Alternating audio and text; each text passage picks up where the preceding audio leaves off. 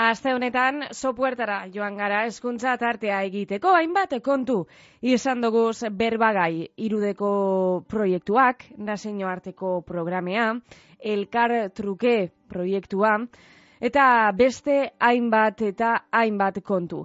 Gure irratzaioan parte hartu da benei, mila esker, Iker de la Presa, Patricia Pinto, Mikel Fernández, Jaione Santurtun eta Endika Crespori eta baita Mertxe zuzendariari mila esker. Azteko Iker de la Presak asaldu deusku, irudeko ardatza ezaugarriak eta zelako proiektuak egiten dabez. Benetan oso interesgarria. Aurten atera ditugu espezializazio kurtso berriak eta e, baditugu bi arloetan, ez? Bata da e, fabrikazio aditiboan eta bestea da e, automobil gintza elektrikoetan, ez? Edo e, patineteak, bizikletak, bale? dalakoa, baina dena elektrikoa. Hore, espezializazio kursoa.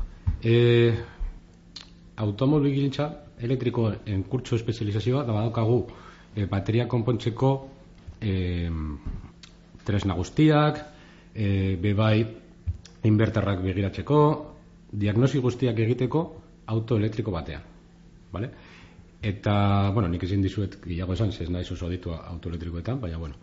Eta gero badaukagu, e, irudeko munduan, ez, badaukagu bi arloak. Bata da, e, imprimazioa, ez, irudeko imprimazio, badaukagu, e, e, teknologia ezberdinak, FDM, bada ezagunena, plastikozko imprimazio normalak, badakago bebai SDA, da resinazko imprimazioak, oso e, em, resoluzio ona daukan makina bat da, gero daukagu hautsasko makina bat, baina plastikozkoa, SLS den duen izena, eta gero bebai badauzkagu metalesko makina bat. Gure metalesko makina bat da FDM baten antzekoa, baina e, multimateriala da. Altzairu inoxidablea eta erramintazko altzairua bebai egin dezakegu. Orduan dira, lau materialak oso erraz da e, material bat aldatu eta material horrekin imprimatu, beraz, bueno, e, aplikazio asko dauzka. Beraz, e, eta gero badaukagu beste arlo bat dena e, ingenieritza inverso. Edo alderantzizko ingenieritza, beto zan da. E, zer da, ba, gu badaukagu bi eskanerrak, irudeko eskanerrak, eta eskaner horrekin e, egin dezakegu edozein pieza edo edozein e, forma kopiatu, berdin zait pertsona bat edo e, kotxe bat edo dena dalakoa kopiatu erdenagailu batean eta erabili modelo hori paseo zer diseinatzeko. Adibidez, pertsonetan ba, behar baduzu besoren txako e, fedula bat, ba, egin dezakegu irudeko makina batean, pertsona bakoitzaren txat e, modulu berezi bat. Edo adibidez ba, ba daukagu kotxe zahar bat eta ja daukate piezarik ba, eskanatu dezakegu eta e, imprimazio e, imprimagailu batean e, egin Beste alde batetik, Patricia Pinto, irakasleta koordinatzaile pedagogikoagaz, eta Mikel Fernandez, ikasleagaz, ikaskuntza kolaboratiboaz berba egin dugu.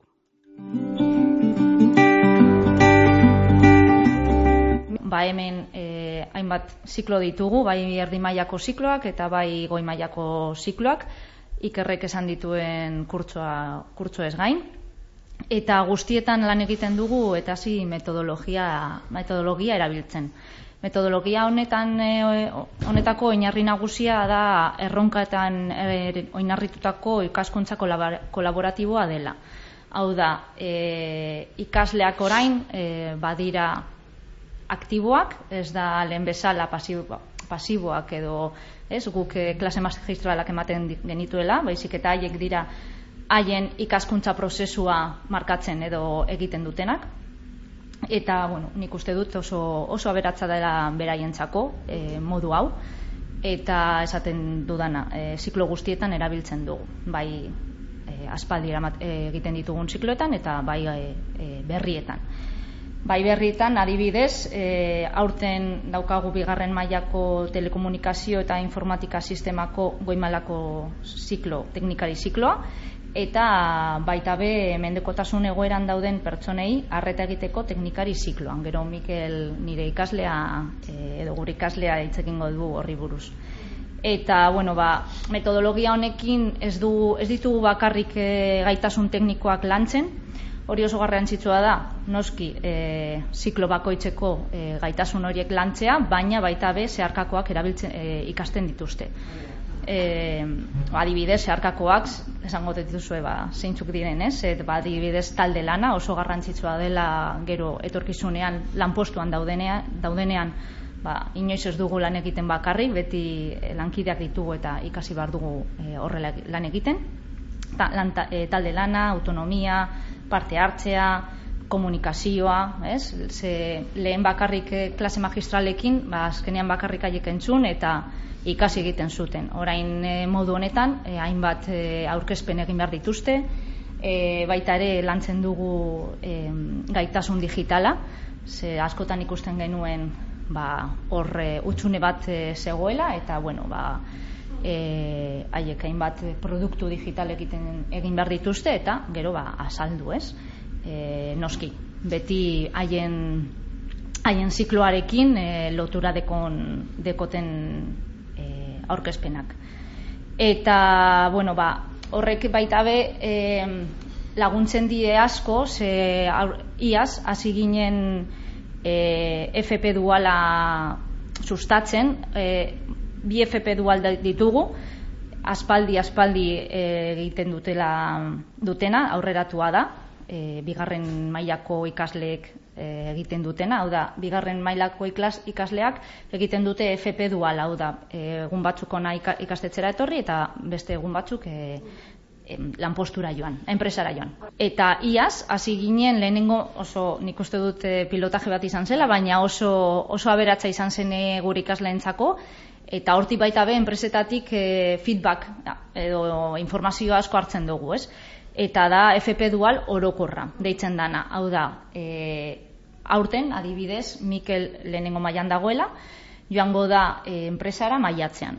Hau da, maiatz, e, maiatzean joango da e, maiatzos hiru aste, maiatzeko hiru aste joango da enpresa batera, egoitza batera, kasu honetan, eta, eta lan egingo, bueno, lan, e, praktikak egingo ditu hasiko da egiten nor eta mm, eta orduan bi dual FP dual mota ditugu hemen San Biatorren. Haiek eh, haien haiek haien feedbacka eskatu genuenean iaz e, gehienok edo guztiok esan zuten guztiek esan zuten ba oso bai oso ondo gonzela haientzako. Ze azken finean ikas, e, ikastetxean ikasten dutena edo klasean ikasten dutena edo praktika e, praktikan jartzen dutela eta ikusten dutela zertarako, ez? E, hori. Mm. Ze askotan galdetzen dugu dutena, ez? Baina zertarako ikasten dut hau edo zertarako egiten didazu hau, ez? E, ikastea edo hau egitea.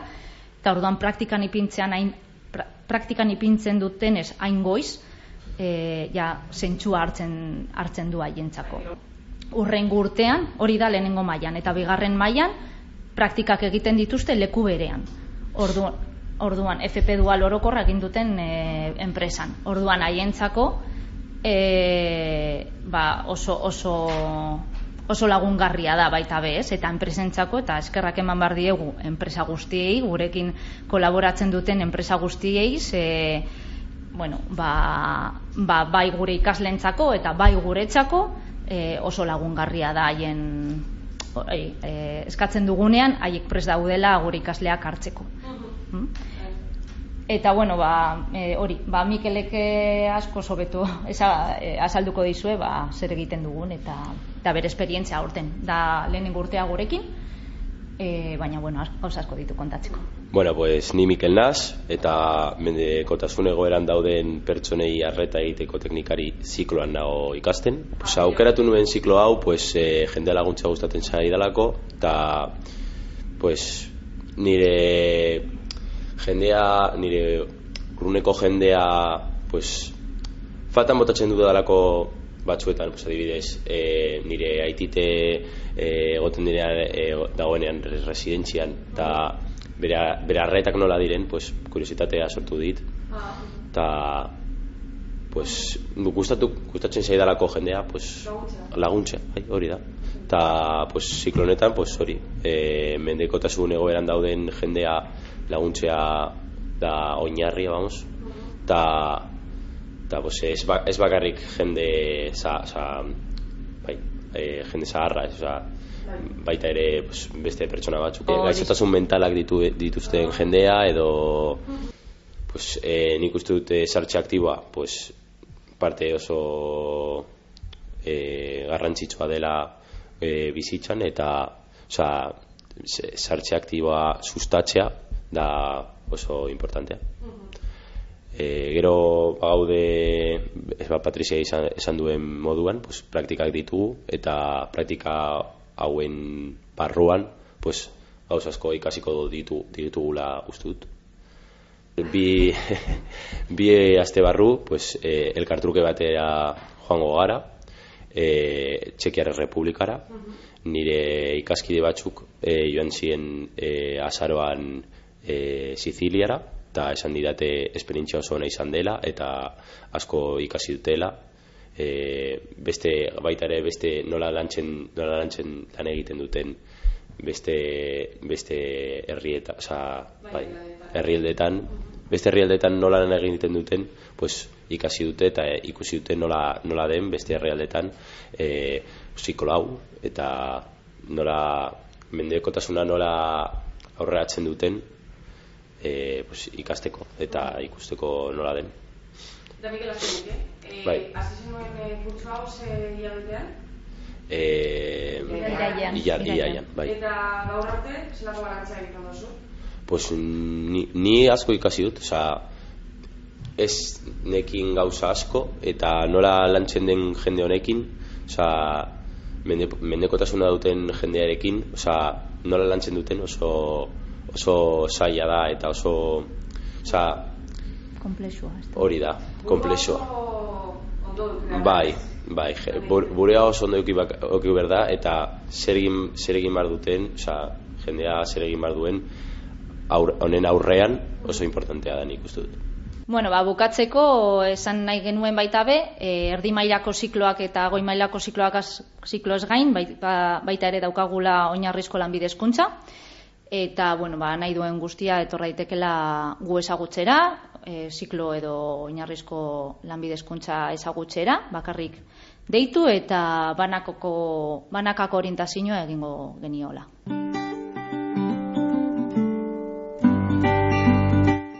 Bestalde, naseño arteko proiektuetan murgildu gara, jaione santurtun eta endika kuesta gaz.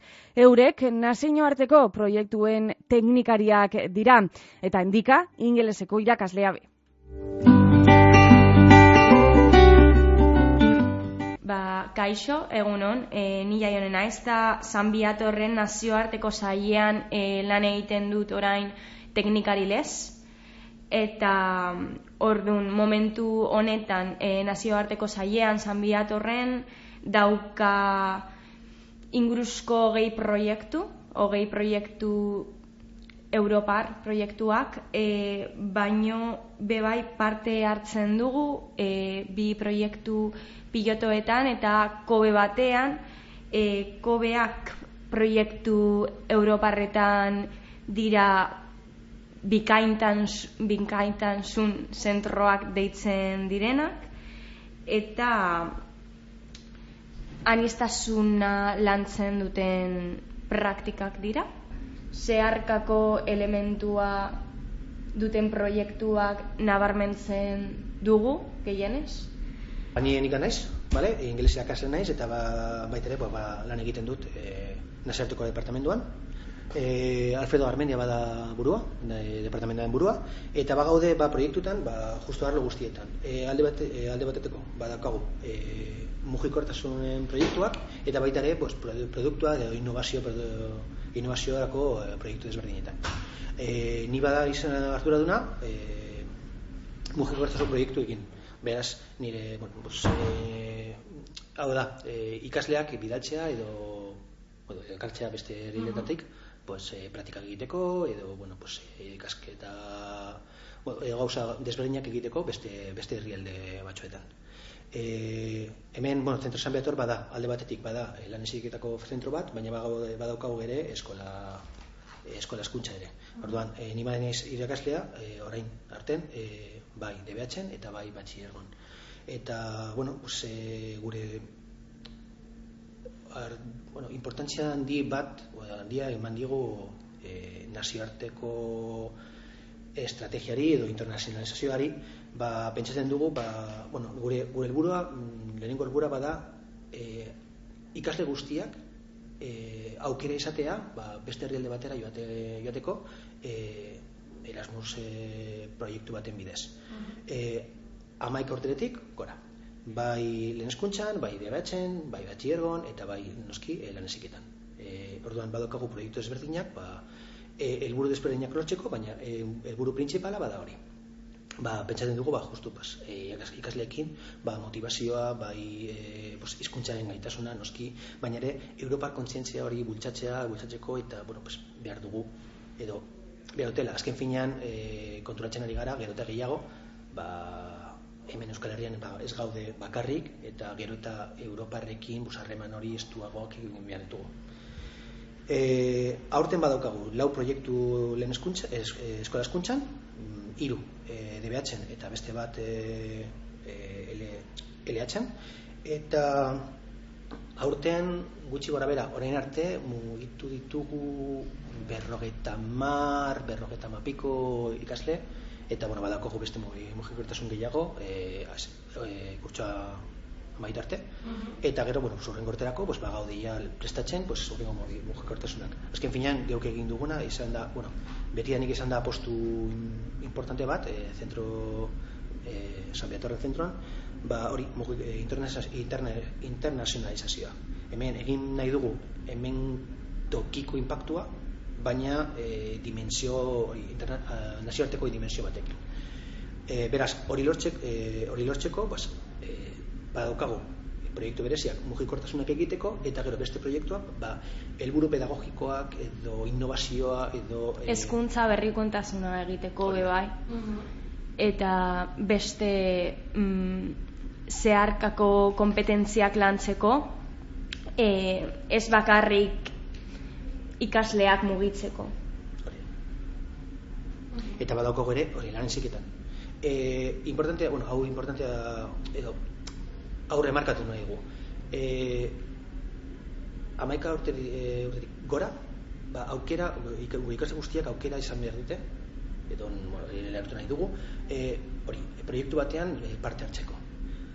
Eta hori inklusioarekin, osea, e, inklusioaren oso lotuta dago. A ber, e, badaukagu, e, mugikortasun mugikortasun, ba, bai, e, lehen, lehen badaukagu, bai, oinarezko e, lan eziketan, e, goi mailako galen eziketan, erdi mailako galen eziketan, eta ere hori adimen gaitasunekin e, gaitasun daukan ikasleak ere, ere e, parte hartu dute e, mugikortasunetan. Bai, bueno, badokagu proiektu bereziak, ba, italiarekin, finlandiarekin, eta bueno, pues, egiten dute bai praktikak eta eta eta hori eta mugikortasunetan gizarte bazkerketa arriskuan dagoen ikasleak lehen, lehentasuna daukate gure proiektuetan? Claro, hori, berdintasuna lortzeko, noski, eh, hori... Eta anistazuna lantzeko, bai. Ba, barrera horik, pues, eh, bai, esperientzia zugarria da. Eta bada, impactua bada ez bakarrik hori ikasleentzat. Bada, ikasleentzat, familientzat, e, e, gurean ere, hori, lortzen aldugun, oza, lortzen ditugun gauzak, e, bada, e, gure gure lana hobetzeko eta gure eh, harreta hobetzeko eta e, familiekin ba hori e, oso posit daude. Amar amarretik, baino e, egia esan da e, lan prebioa egin behar dugu askotan, e, zeren lan izugarria, eta ordun e, batzutan izaten da e, izan duten lehen aukera atzerrira joateko. Eta orduan familia askok e, itimidatutak daude. A, zeren beraientzako mm, arriskutsua, arriskutsua beraz, perzibitzen dute, bidaia, bai? eta orduan batzutan egin behar dugu ba, entrenatzaile moduz ba, konsientziazea, bai? Horretarako e, daude endika eta beste lankideok, irakasleak denak, eta beraiak egiten dute askenian e, lan zuzena, zeren familiekin eta ikasle berarekin e, lantzen dute eta hitz egiten dute eta konbentzitzen dute askenian esperientzia hauek ba, pasatzeko bai, ba, baina materializatzeko. Bai, baina horrekin bueno, matizatu behar dugu, edo, bueno, behar dugu, gure lantegi komien artean, bale? gure lan, e, lantegi ez bakarrik, langile, langileko berenak, badira, e, aurreko aurreko ikasleak, hau da, e, haus haus, edo haiek esaten duten, edo partekatzen duten esperientzia, esperientziari esker, ba, badokagu gero eta gehiago, oza, eta ikasle gehiago hori interesatuta, eta, bueno, pues, esperientzia e, esperientzia on bat izan nahi dute hori Europan zehar. Orduan, mm. horrezegatik pues, lan egiten dugu. Bada, lan izugarria, baina gero emaitzak egiten ditugun emaitzak, pues, mm. baliagar, oso baliagarriak dira. E, hemen egiten duguna, azken fina bada hori, ba, ba, ba gaude, oza, gure zentroa, pues, e, adibidez hori, batxierroan. E, klasek ez dira oso handiak, ba, arreta bada neko berezian, estua, e, bultzatzen dugu hori, pues, e, familiarragoa edo pues, e, gero ikusten ditugu emaitzak eta hortikoaz. E, azken finean, e, bueno, e, zentro guztiaren e, helburu nagusia izan behar da, hori impactu bat izatea e, pues, e, hain arloan. E, guk hori mm, oso argi daukagu, hemen engin behar nahi dugu e, impactu lokal bat, e, gure familian artean, gure ikasleen artean, e, gure pues, supuertan eta egiten enkarterrin, baina dimensioa ere eta hori lortzeko ba, dimensioa izan behar da internazionala. Orduan bagara, ba, zentro handi bat, baina azken finean gure percepzioa edo gure estrategia ba, beti hori e, lokalagoa edo mm, familiargoa izatea. gai ugari jorratu dugu, eta bakarrik faltaiaku eskerrak emotea San Biator ikastetzeari, baina batez be gure irratzaioan parte hartu da benei. Iker de la Presa, Patricia Pinto, Mikel Fernández, Jaione Santurtun, eta endika kuestari mila esker, eta noski, mertze zuzendariari be. Mila esker eta urrengo ikasturter arte.